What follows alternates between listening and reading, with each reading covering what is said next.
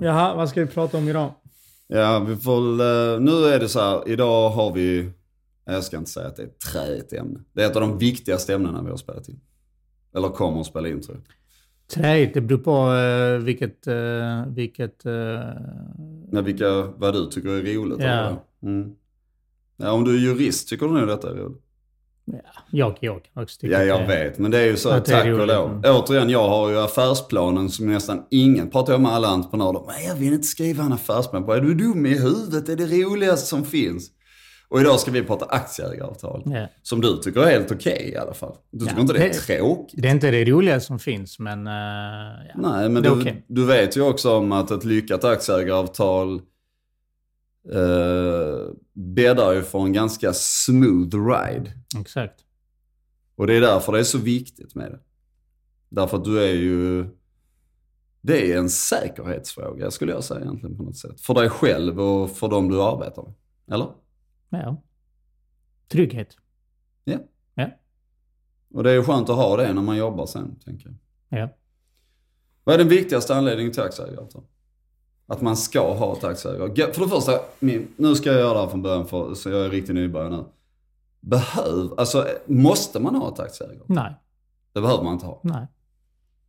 Okej, det är helt frivilligt. Varför måste skrattar? Varför skrattar du? Man måste ingenting. Man måste ingenting. Jo, det man finns må- massor man måste aldrig, måste. Man måste Har aldrig... du ett aktiebolag någonting. måste du ha bolagsstämmor, du måste ha en massa grejer. Ja, du måste, ja Så okej. det finns massor må- saker du måste vad, ha. vad måste du ha vad gäller avtal i ett bolag? En bolagsordning måste du ha. Och vad är en bolagsordning? Bolagsordning är... Um, uh, jag har en fusklapp här. Eh, det är ja, bolagets eh, regelverk Mm. som anger ramarna då för verksamheten. Till exempel, vad heter bolaget? Mm. Var har bolaget sitt säte? Och vad är syftet med bolaget? Hur många och- aktier som finns i bolaget Mm. och sen syftet och inriktningen på Mm. bolaget. Eh, och sen om det finns några särskilda Mm. liksom, eh, eh, vad säger, förbehåll då. För bo, Mm. till exempel hembudsklausul. Just Det det. vill säga att man inte kan pantsätta sina aktier och sådär. Mm. Så att eh, det, det är faktiskt... Alltså vi sitter, jag känner att vi kommer sitta här och släppa en massa sådana här hembudsklausul. Alla som lyssnar bara, Ja. Go- Googla det. nej så kan vi inte säga. Hembudsklausul är enkelt. Jag och Michel startade ett företag. Och sen eh, i vanlig ordning efter en vecka så tycker jag Michel är helt blåst liksom. Och då vill jag omgående komma ur bolaget. Exakt. Bolaget vid det tillfället påstår vi då var värt, det är rätt nystartat, så det är värt en miljon. Och det innebär att... Shit, vad bra ja, Vad sa du efter en vecka? Ja, typ. Shit, Ja, okej, alltså. skit. Ja, oj, det var snabbt jobbat. Ja, Ja, ja, vi säger ja. att det är värt en miljon. Och då Fan, är hembuds, hembudsklausulen går ut på att då kan jag gå ut till dig som lyssnar och säga så här, hej, jag sitter med 50% ägande i det här företaget som jag äger med den här grekiska dåren. Och jag hatar honom, jag vill ut. Och de säger, okej du, du får eh, 700 000 som är mer än det jag värderade det till från början. Då är min skyldighet att gå till Michel och säga, jag har ett bud på 700 000. Så han har alltid möjligheten att köpa aktierna före dem som, som ger dem pengarna. Ja. Där har du hembudsklausulen. Det är alltså en del i Ja. ett aktieägaravtal. Kan Om- vara. Ja, kan vara. Men eh, ja. I våra fall är det standard. Eh, ja, fast eh, du gick... ja, det beror på om man avtalar. Mm. Det kan vara så att, att man behöver inte ens få ett bud, utan du säger, eh, om man avtalar till exempel, att man ska göra en värdering av bolaget. Mm. Så går du till mig och säger, eh, du har inte rätt att gå till någon annan, utan du går till mig och säger, jag vill sälja mina aktier, jättebra, då gör vi en värdering. Mm. Och, ehm, det kan vara så att man har en värderingsformel i sitt aktieägaravtal, eller så säger man, nej men någon... Om värderingsformel motsvarar till exempel tre gånger årsvinsten eller omsättning. två gånger omsättning eller vad det nu beroende på vilket bolag det är. Eller om man har en extern uh, värderingsman då. Så Precis. kan man gå till, till den personen och så frågar man efter en värdering. Och så går Mm. man enligt den värderingen också. Så att ibland är det så beroende på vad du har avtalat. Ja. Ja. Självklart. Du kan skriva vad du vill i ett avtal. Du får Ja. inte gå till andra part. Det ska värderas av en oberoende besi eller Exakt. värderingsman och så vidare. Exakt. Men, eh, men det är ju en rätt så vanlig klausul i alla fall. Men vi hoppade rakt in i hembudsklausulen. Ja. Den är imponerande. Den är men, imponerande. men jag tänker så här, vad, vad är den vanligaste, liksom, vilka tryggheter kan du mer få av ett aktieägaravtal? Eh, låt mig börja så här att säga så här att, att tanken med ett aktieägaravtal är att sätta ramar i sitt samarbete. Yeah. Ja. Fan vad fint uttryckt. Ja. Ja. Att Det- sätta ramar i, sitt, i, i samarbetet vi har så att säga. Ja. Och i ett aktieägaravtal så försöker man i förtid lösa de utmaningar som kan uppkomma mellan ägare. Just det. Sen är det ju omöjligt att förutsäga alla möjliga scenarios, men man kan komma en bit på vägen. Det vill säga man Mm. kan ta upp de här ämnena som, som handlar om ägare. Vi, vi kan komma in på det sen. Mm. Men för mig, när, jag ska börja skriva ett aktieägaravtal, så börjar jag alltid eh, med förväntningar. Vad förvänt, om, om vi ska starta ett aktiebolag och, Mm. så, och så säger vi att ja, vi, vi ska skriva ett aktieägaravtal emellan Exakt. oss. Och den första frågan jag ställer då eh, till båda parterna, jag ställer frågan till mig och till dig. Vad är dina förväntningar i vårt samarbete? Mm. Vad förväntar du dig från mig som ägare och vad förväntar du dig från dig själv? Mm. Det är liksom grunden i, i, i, um, i avtalet. Så det, det, det låter lite konstigt att utgå från förväntningar i ett eh, juridiskt avtal. Nej, Eh. men det är helt rätt egentligen. Ja. Och, och de, de frågorna man ska ställa sig då till exempel, vilket ansvar man har som ägare, vad är viktigt eh, som ägare? Eh, ska ägarna vara operativa eller inte? Vad är det för Mm. krav liksom? Vad är det, vad är det för krav du ställer i, i ägaren och, och, och hur engagerad ska den personen vara i, i bolaget? Eh, vad händer om bolaget behöver kapital? Eh, ett scenario. Eh, vad händer vid ev- eventuell försäljning? Vi var lite inne på det med hembuds till Mm. exempel. Vad finns det för förbehåll? Då kan man sälja till vem Mm. som helst eller måste man liksom gå till en, till en, till en, via en viss ordning? Mm. Eh, styrelsen är också en fråga som, som man kan hantera. Ja, du reglerar styrelsen lite grann i aktieägaravtalet om du vill det utifrån att det, det, det här handlar ju också om jämlikhet skulle jag säga. Att alla ska ha, där du titt, alltså, man kan säga så här, Jakob och Michelle startar återigen ett företag. Men i styrelsen skriver vi in till exempel att vi äger rätten att utse en ledamot och en styrelsesuppleant. Till exempel. till exempel. Där man reglerar det så inte man hamnar i ett läge där en part är, är svagare och känner att jag, jag kan inte liksom göra detta. Utan avtalet är att eh, eh, det är bara jag själv som sitter i styrelsen till exempel. Exakt. Och jag kanske inte är rätt person för det och så vidare. Då kanske jag vill utse någon och det är inte säkert att du får det om inte det står i avtalet. Exakt. Så det kan man också avtala om. Mm, men det är Eh, viktigt också. Eh, sekretess, konkurren, konkurrens, eh, Ja. jävighet. Vad händer liksom vid jäv, eh, eh, Mm. Enighet vid vissa beslut, det vill säga att vissa beslut i bolaget måste vara enhetliga. Alltså Mm. a- 100% av aktieägarna måste, måste vara överens för att Mm. eh, man ska kunna ta beslut. Och vad händer om man inte är enig? Mm. kan man också avtala om. Det vill säga, ska man ta in en tredje man till exempel? Mm. Eh, skiljeman. Mm, precis, som på något sätt avgör det. Som avgör, ja. Eh, vad händer vid dödsfall, bodelning? Vad händer egentligen? Ja, man kan Vad händer i mitt fall? Vi tar det, vi har samma i alla. Du vet inte vad du har avtalat då? Det är inte det, det säger jag inte, jag säger att vi ska prata om det. Nej men vi kan... Alltså, ja, men för- du, du kan berätta hur vi resonerar. Kan du berätta? Men du kan berätta det. För jag, Jag tänker så, ja, men jag tänker så att vi sitter med detta ganska färskt i minnet. För mig, vet du, det var senast igår, eller ja, igår var det jag satt och gick igenom ett aktieägaravtal. Faktiskt. Ja. Men om vi säger att jag eh, pep, peppar tar i trä. Om jag går bort, vad händer i, i vårt fall med Det mina beror på vilket bolag det är, men eh, om, om man tittar på de, på de bolagen vi har tillsammans då, där, där, där vi driver tillsammans. Mm. så har vi, så har vi ju resonerat. Återigen, det handlar om förväntningar. Så när vi skulle skriva ett aktieägaravtal så sa vi, nej men eh, det är viktigt att, att det, det vi gör, eh, det handlar om att vi gör det solidariskt Mm. och det handlar om att eh, vi ägare är solidariska och vi tar hand om varandra. Precis, Och när vi sa att vi tar hand om varandra så handlar det om att vi tar hand om varandras familjer också. exakt. Eh, Och eh, så i vissa bolag som vi har så är det så att bodelningen så att säga få, eh, eller inte bodelningen, men döds... Vad heter det?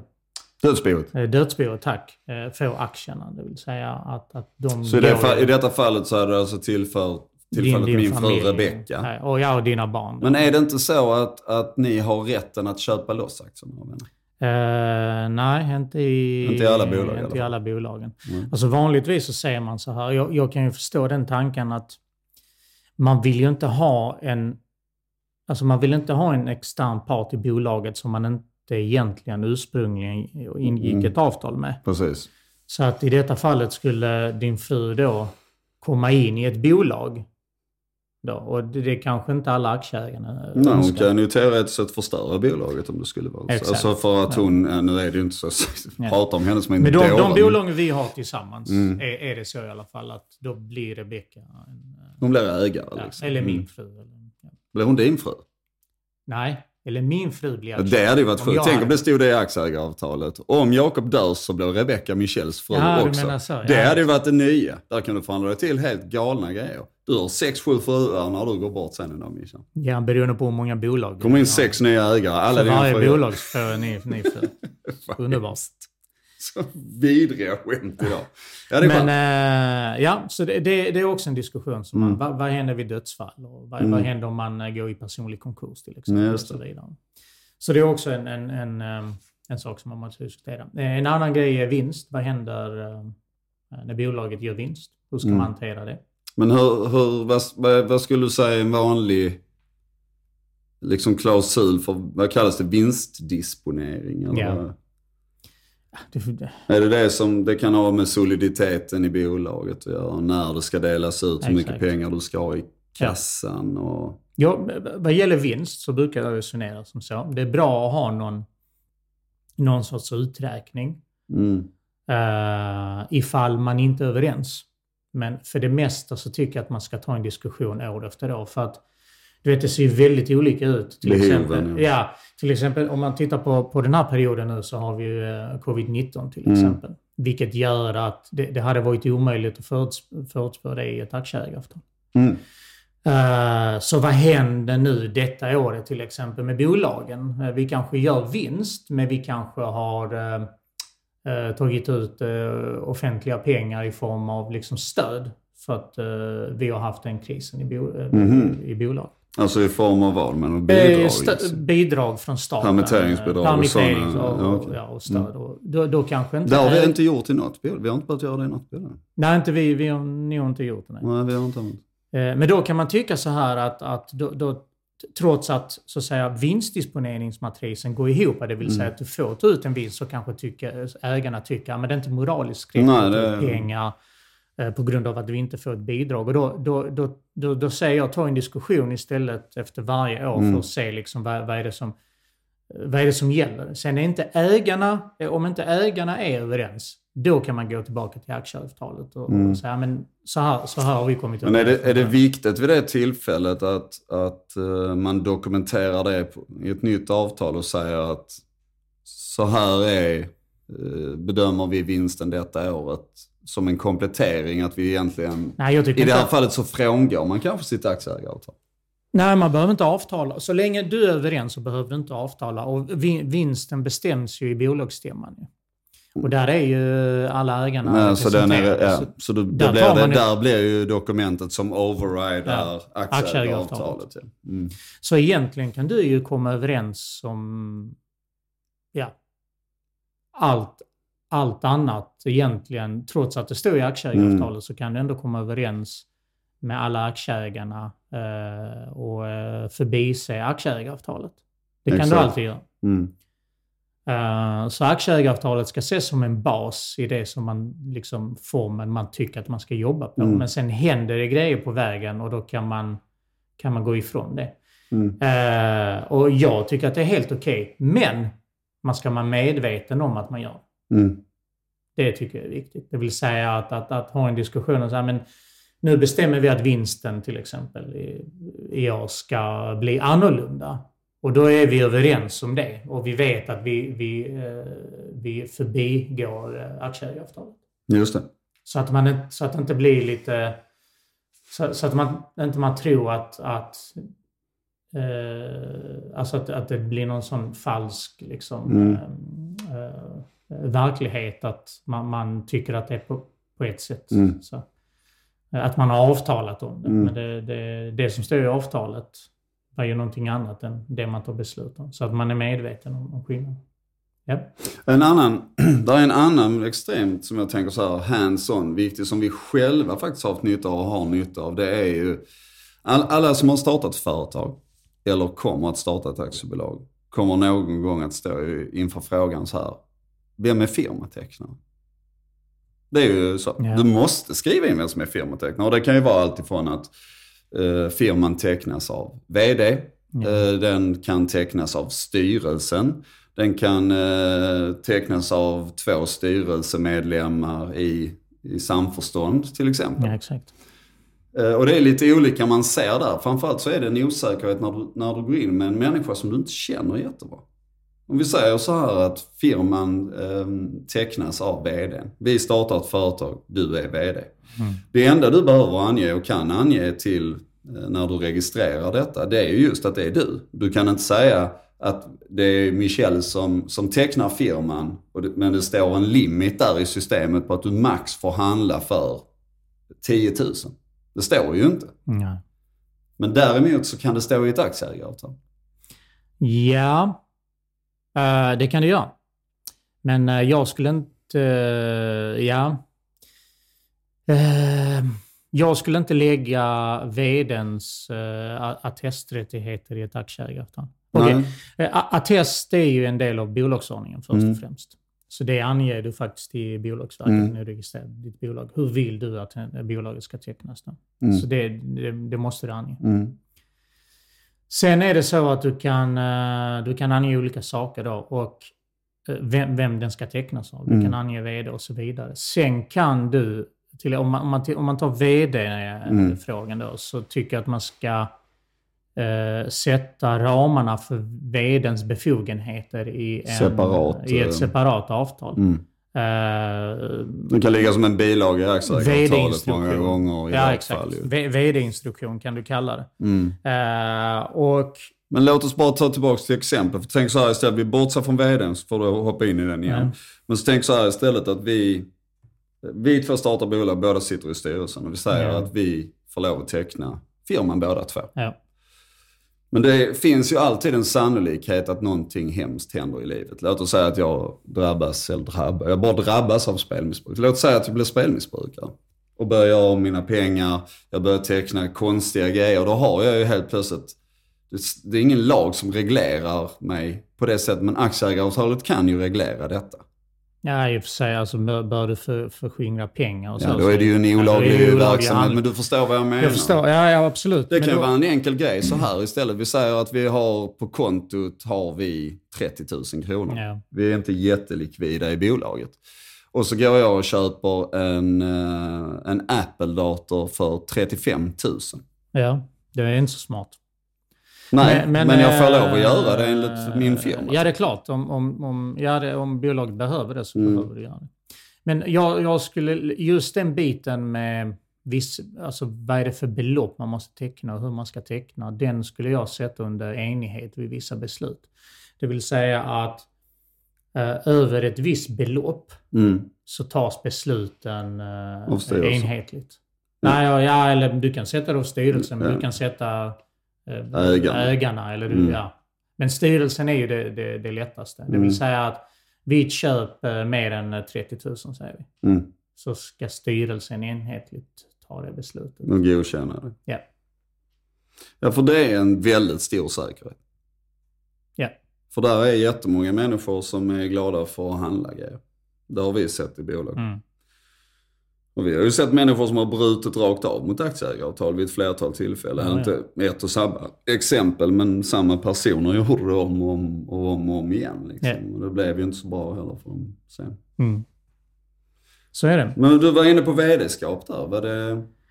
Avbröt jag dig på den diskussionen att vi skulle... Nej, ja, ja, det finns andra delar i ett aktieägare. Ja, Det kan vi ja. prata om sen. Ja. Eh, jag, jag vill prata om när är, när är ett aktieägaravtal viktigt? Det vill säga När det används liksom. när det används. Eh, och det, det är ju när man inte är överens. Ja, tyvärr. Ja. Uh, och, ja, alltså grejen är den att jag, jag, jag tycker att det är bra att aktieägaravtal finns och ibland så är man inte överens. Och när man inte är överens så är det lätt att man går in med, med för mycket känslor i de, de här diskussionerna. Det vill säga, diskussionen handlar inte om sakfrågan, utan plötsligt så handlar det om vem som har rätt och fel. Du vet, vem, vem, vem kan bestämma och så vidare. Alltså det, det, blir, det blir lite annan diskussion mm. än det som man försöker lösa.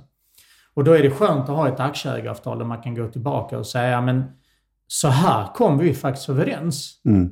Och då får man ju hålla sig vid det. Det blir, det blir mycket enklare att ha det som en bas. Det vill säga att vi behöver inte gå in i de här diskussionerna. Vi behöver inte liksom eh, eh, lösa det med, med, med, en diskussion och så vidare. Utan det står faktiskt hur vi ska lösa det. Mm. Och vilka steg man ska ta för att lösa det. Och det gör att, att man slipper vissa konflikter tycker jag. Utan det, det, då diskuterar man sakfrågan istället. Så att uh, ur det perspektivet tycker jag att aktieägaravtalet är viktigt. Sen är det ju så att, du var lite inne på det, och, och, och du vet när man skiter i vilket. Egentligen när man, liksom, när man är i ett bolag där man inte respekterar varandra mm. som ägare eller som operativa roller mm. och sådär. Så struntar man i vilken och gör lite som man vill. Och då bryter man ju mot aktieägaravtalet. Ja. Så, Men då har det redan gått för långt tycker jag. Alltså det, ett aktieägaravtal kan ju inte rädda en relation Nej. mellan ägarna. Utan då, då, då, då, är man någon annanstans. Då, då hjälper ju inte aktieägaravtalet. Nej. Det enda som aktieägaravtalet kan hjälpa det är vad som händer när man bryter avtalet. Mm. kan man också reglera i, i, mm. i, i ett avtal. Det vill säga att om, om eh, vi, vi har ett bolag då och så bryter du ett aktieägaravtal. Det, det vill säga att du går emot ett beslut som, som Ja men exempelvis är det så att om du och jag startar ett, ett företag som ska göra, ha en verksamhet, vi säger jag vet, vi ska lägga golv. Ja så kommer det antagligen att stå i vårt aktieägaravtal att jag får inte lov att starta en konkurrerande golvfirma så länge du och jag är i det här. Ja. Så jag kan inte sitta som ägare och så brukar man då dessutom reglera att du kanske inte får lov att starta samma bolag inom två år efter att du har avyttrat dina aktier ja, eller vad det än är. Va? Så där är ett lysande exempel där, där människor helt plötsligt gjorde, vi har ju ett sånt case. Så ponera nu att du startar golfbolaget och så eh, jag, eh, jag kommer på det liksom. Mm. Så, men Jakob, du bryter mot aktieavtalet. Yeah.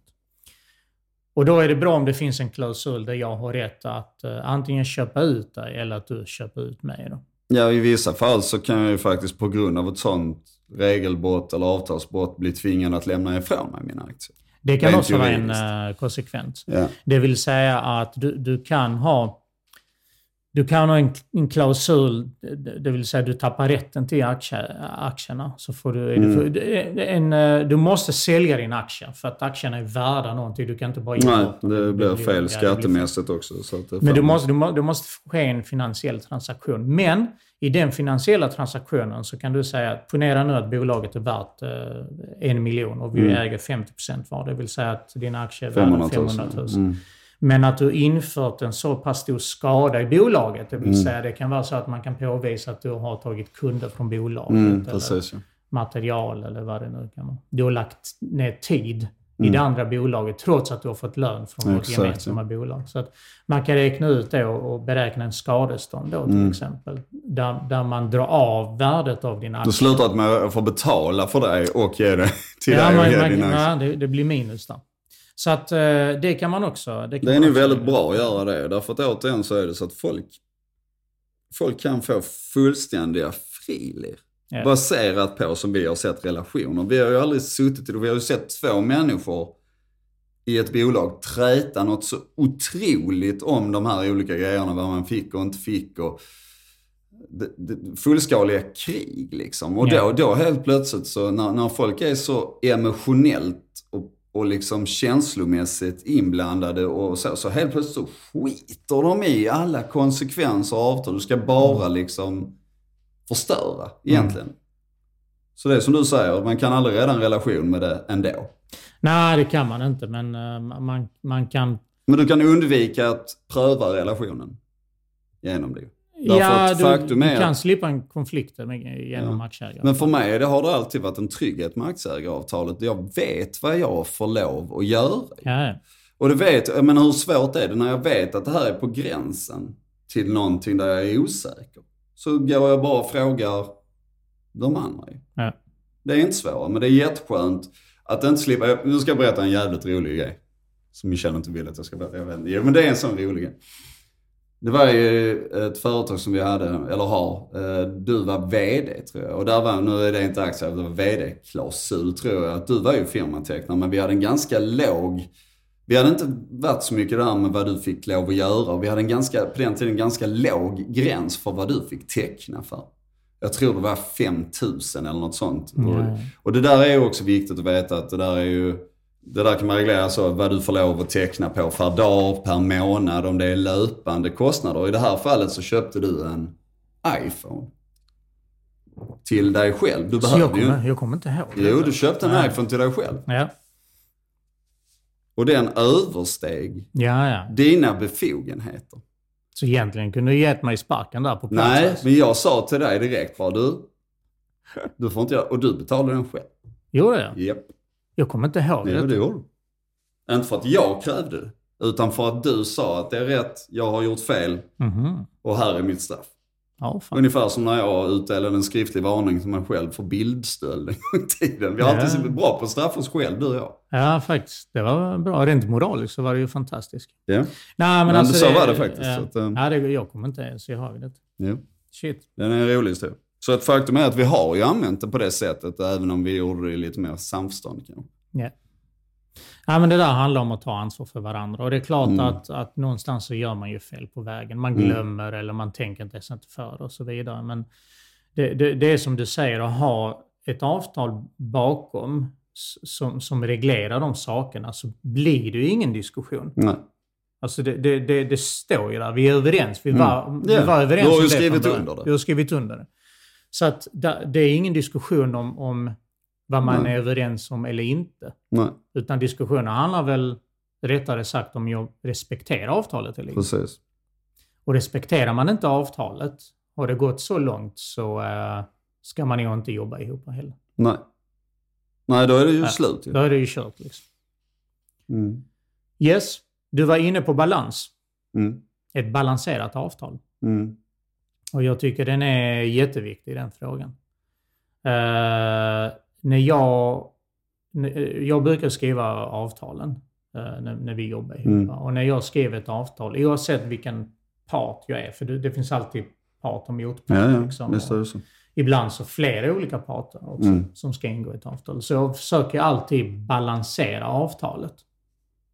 Ehm, så att det finns en, ett balans i avtalet. Eh, och, och den är jätteviktig för att det, det, det första egentligen man gör i, när man ingår i ett samarbete, alltså det, det första, förutom den initiala förhandlingen till exempel, vad är det vi ska göra, du vet, och vad kan jag liksom Mm. lägga i, i, i det här liksom bolaget och så vidare, så, så är ju förhandlingen om aktieägaravtalet egentligen det första riktiga avtalet som man gör. Mm. Eh, och det tycker jag är viktigt att, att påbörja ett samarbete där, där man i början kör liksom det här med, med en maktbalans, alltså maktbalans. Mhm. Till exempel att men jag ska ha mer makt En, i, i det ja. här avtalet än dig till Mhm. exempel, eller den andra. Det är ju inte ett bra sätt att starta ett samarbete på. Nej. Jag menar, om man, om man startat sitt samarbete på det sättet så kan man ju också förvänta sig sen i framtiden att så kommer den relationen Mm, att vara. ja. Ja. Du, du har mer makt än mig. Du bestämmer mer liksom. Exakt. Mm. Så att det, det, det blir en obalans redan från början i ett samarbete. Mm. Eh, vilket vissa människor kan tycka det är jättebra. Jag Mm. tycker inte det är bra. För att det kommer ju att, prägla den relationen ja, så länge man, man samarbetar i, det, det. i det Mm. bolaget. Så jag eftersträvar alltid att ha en, en, en, en balans. Det kan ju aldrig bli hundraprocentig jämn. Mm. Men har du ett exempel på hur du gör det balanserat respektive obalanserat? Ja, och ja. Eh, Du kan ta... Eh, styrelsen är en jättebra fråga. Mm. Eh, att, att, om vi äger 50 procent och så säger jag, nej men jag, jag har mer kunskap än dig vad gäller liksom bolag. Säger vi. Eh, så jag får utse två stycken re- styrelseledamöter Mm. och du får utse en. Och i det avtalet så sätter jag att alla beslut är majoritetsbeslut. Just det. Vilket innebär att jag i princip tagit över makten i Du bolaget. har all makt. Du Ja, jag kan rösta igenom vad du vill ju. Allt. För jag har 66, 66 procent av rösterna och du har 33. Mm, Exakt. Och, och, och står det i avtalet att majoritetsbeslut gäller för alla beslut i bolaget, då kan jag besluta om allting. Just det. Det enda du får i bolaget Mm. är väl eh, 33 procent av vinstutdelningen. Ja. Men du har ingenting att säga till. Mm, precis. Det är en obalanserat avtal, skulle jag säga. Just det. Så. Sen, ponera nu att jag eh, äger 66% av aktierna och du äger 33%, 33 Mm. av aktierna. Så att det är ju inte mer än rättvist att jag har fått två styrelseplatser och du är en. Mm. Okej? Mm. Och den är fine. Men där skulle jag lägga då att vissa beslut Måste vara konsensusbeslut. måste vara konsensus. Alltså det måste vara enhetliga. Mm. Alltså konsensusbeslut är när samtliga är överens om ett beslut. Ja. Annars så tar man inget beslut. Ja, och ett, ja, annars så tar man inget beslut. Men det kan också vara så att bolaget måste ha ett beslut. Mm. För att vissa beslut gör att bolaget fastnar. Ja, Du, du kan inte gå vidare. Mm. Och det kan man också reglera. Vad händer när man inte är enig i ett konsensus? eh, I ett beslut som måste nå konsensus. Då kan man ta in en extern part, till exempel uh, skiljemän. så. Mm. Så det kan man också reglera. Men försök alltid att hitta en balans i ett avtal. För att ett balans i ett avtal kommer att spegla ett Mm. samarbete i framtiden. Mm. Så, det, den, den tycker jag är jätteviktig. Sen återigen, ett Mm. avtal kan aldrig vara 100% balanserat. Men man kan, man kan alltid liksom... eh, Sträva efter det, ja. Sträva efter det. Så Ja, och det blir behöver du nog göra om du ska ha en bra, eh, ett bra klimat i, i din ägargrupp. Ja. Liksom. För, för den, det är som du säger, det är väldigt små grejer som kan leda till väldigt, väldigt stora konflikter. Och öppna krig liksom, Mm. har vi ju sett ju. Ja. Alltså det är hemskt att man sitter här med så mycket erfarenhet och historia och känner ändå att fan jag kan inte riktigt berätta om dem. ja, ja. Men det är ju så liksom. Jag menar vi har ju sett en människa faktiskt en gång, eh, han startade en rakt konkurrerande verksamhet uppe i Stockholm. Utan att berätta det för de andra ägarna. Alltså, Den är snygg den. ja, jag, alltså, jag, blir så, jag, alltså jag tycker det är, alltså det är hemskt men det är jävligt roligt. Att, att människor gör så. Det är inte roligt då, men det är roligt Nej, men det är roligt efteråt. För att det är så sjukt gjort liksom. Men det är ju en människa som inte förstod avtalet heller, har jag en bild av idag. Men det, är väldigt, det finns mycket roliga historier man har varit med om. Ja. Just gällande aktieägaravtalet också. Vi har ju varit med om ett case där, där två delar ville avsätta den aktuella vdn. Men de hade inte, och det gick in i ett styrelsemöte och sa att vdn ska bort. Men de hade ingen koll på att aktieägaravtalet stod att det var ett konsensusbeslut. Exakt. Och, alltså, då kan man inte ta det och så, beslutet. då blir det liksom, alltså. Ja, Jag blir så fascinerad när människor liksom har skrivit under olika typer av avtal och sen inte har en aning om vad de har skrivit under. Ja, att förstå avtalet är ju en viktig punkt. Ja. Eh, och jag brukar alltid vara noga med att eh, verkligen gå igenom allting i avtalet Mm. så att man verkligen förstår vad det är man skriver under. För återigen, du vill inte ha en diskussion efteråt eh, som handlar om att men jag förstår inte det. Nej. Men det du, du pratar om det här med viktat avtal, alltså att få, få någon slags balans i det. Du är ju väldigt duktig på det. Ibland är du nästan lite för duktig kan jag tycka. Då, för du är väldigt duktig på att skydda den svagaste parten i ditt avtal. Ju. Därför att det är lite olika ibland. Du kan ju ha en ägare som, som äger 5% i bolaget, vilket är väldigt lite i förhållande till kanske vad du själv äger. Men då måste du ändå, du kan inte sitta och känna att den personen kan bli overridad hur som helst. Samtidigt som det finns ju en massa klausuler som är drag along, tag along och alltså när du, ifrån när du säljer bolaget så vill du inte kanske ha en, en dåre som sitter med 5% som inte jobbar i företag som säger jag tänker inte vara med och sälja bolaget. Alltså, då blir det ju fel på det sättet liksom. Mm. Men jag, ja, bra exempel. Jag skulle vilja säga så här. Ponera nu att vi sitter med en ägare som har 5%. Mm. Eh, redan från början säger Mm. vi då. Han, var med från Mm. början och så vidare. Eh, men förvänt, förväntningarna på den här personen är att ja, men jag är en passiv ägare. Mm. Ni får faktiskt driva bolaget själv. Ja. Då behövs ju inte den minoritetsägaren att balanseras upp i avtalet.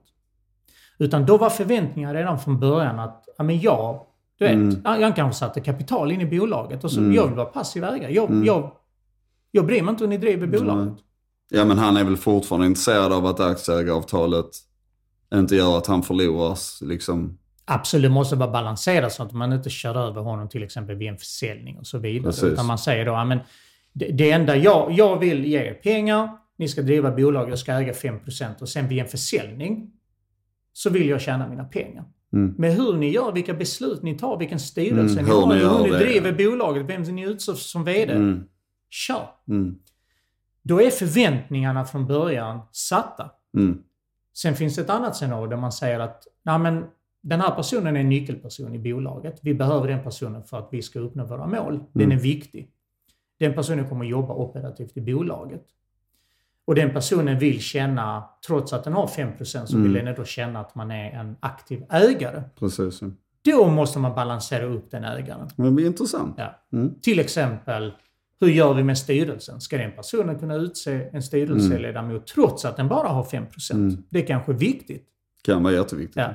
Så att det är det jag menar med att du ska alltid utgå från förväntningarna från början. Mm. Vad är ägarnas förväntningar på sig själva, varandra och i gruppen? Börja med det Mm. och så kommer du att- se va, hur kommer avtalet att se ut?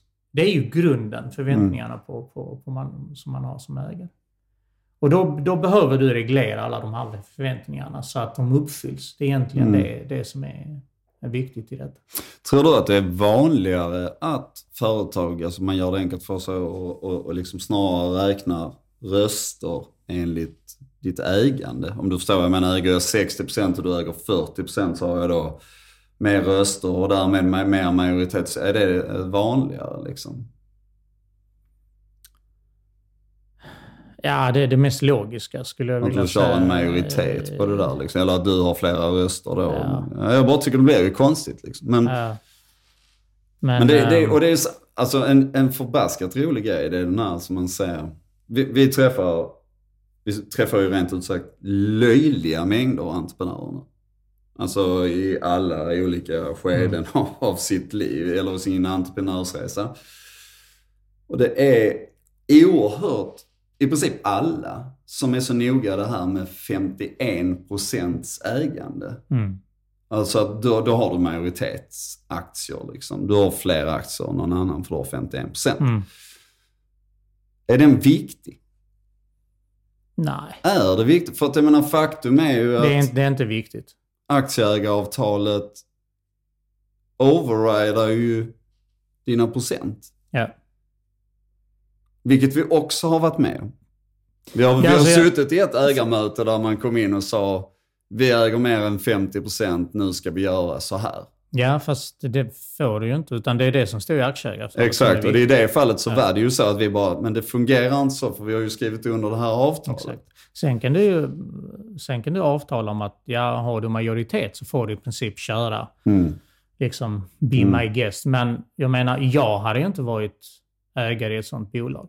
Nej. Alltså jag personligen. Nej. Jag, jag hade inte velat vara aktieägare eller minoritetsägare Mm. där vi har en part som bestämmer i princip allting. Mm. Varför ska jag Och vara gör ägare? det då? efter vad som passar dem bäst för stunden. Liksom. Så man kan Mm. säga det enda anledningen till att jag skulle vara ägare i ett sånt bolag, det är om, om, om det är en finansiell investering. Det Ja, enbart jag, ja. jag går in med pengar och så förväntar jag mig en viss avkastning. Ja, ja Då då då- du resten. Då kan jag tänka mig, ja men kör liksom. Men annars är ju min bild att människor har ju tittat för mycket på de här Wall Street-filmerna.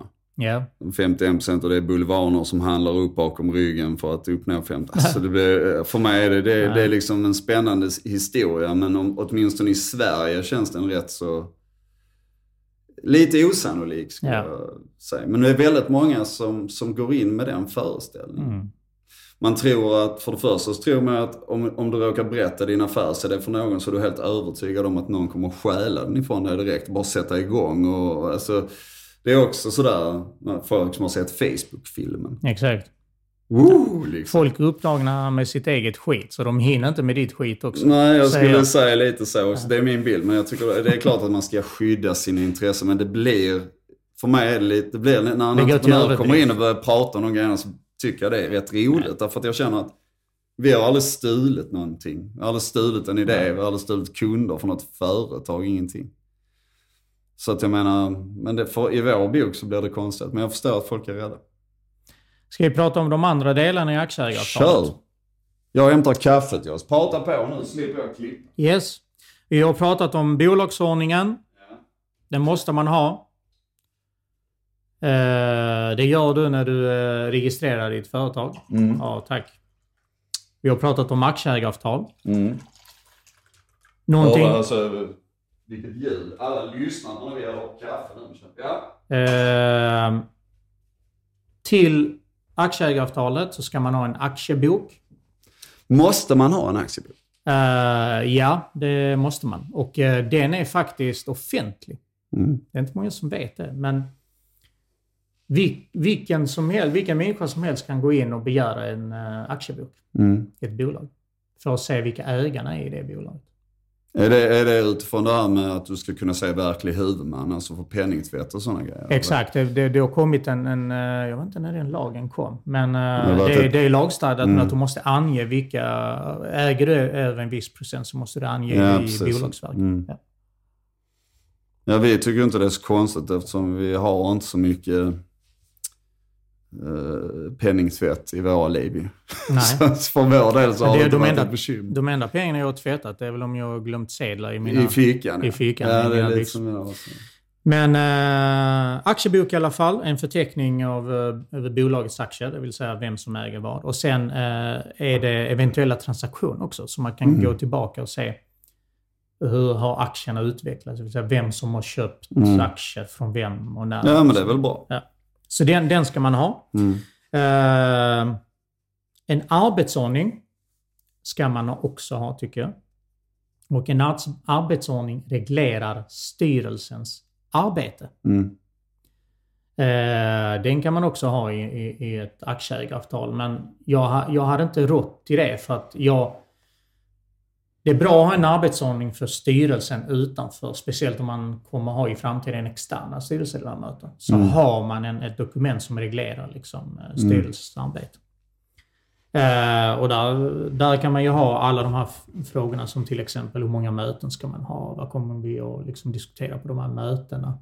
Eh, vem som får vara med på styrelsemötena? Eh, hur röstning går till? Hur dokumentation går till? eh, och så vidare. Du, regler, du reglerar allting som har med styrelsen att göra. Eh, VD-instruktionen pratar vi om. Eh, och sen, som är ett eget ämne tycker jag, Mm. men ägardirektiv.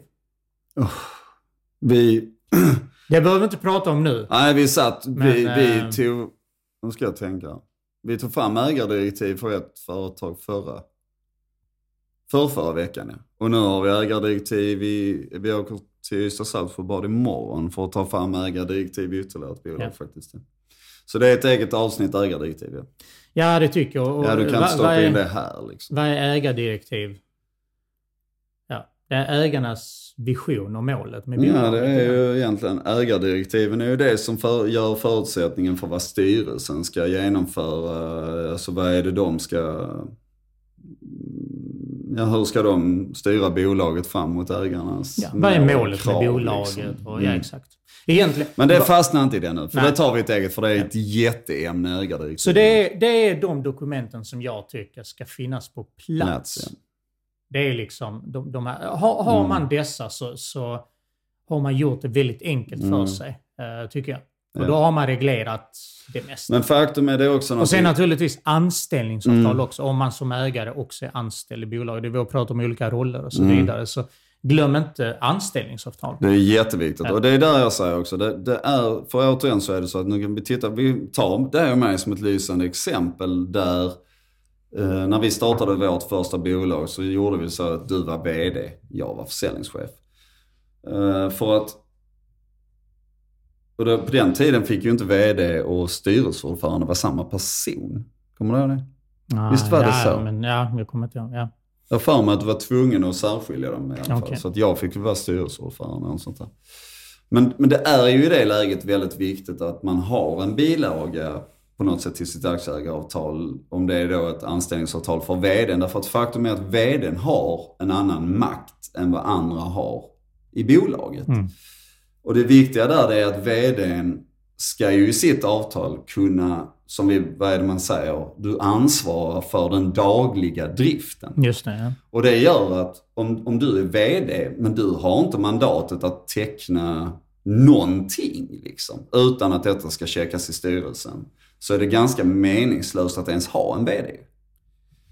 Samtidigt som man ska vara, eftersom vi är så små, vi har precis startat bolaget tillsammans till exempel, att det är väldigt viktigt att det finns de här reglerna, att Michel som VD under uppstarten de första sex månaderna får inte lov att göra investeringar som, alltså du får inte lov att, om du är firmatecknare så kan du ju teoretiskt sett, för det är ju en sak att köpa en iPhone, det, skadan är ju liksom, det finns ju en limit på den.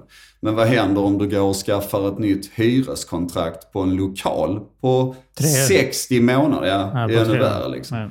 Alltså, nej, det, det, alltså, därför att du Mm. tycker att det är häftigt. Vi kommer att kunna rekrytera mer attraktiva människor och jag står bara och säger, ja det är mycket möjligt, men hur fan tänkte du att vi ska betala detta? Så det är ju viktigt att den är reglerad i samband med, liksom, Mm. Det kan vara så.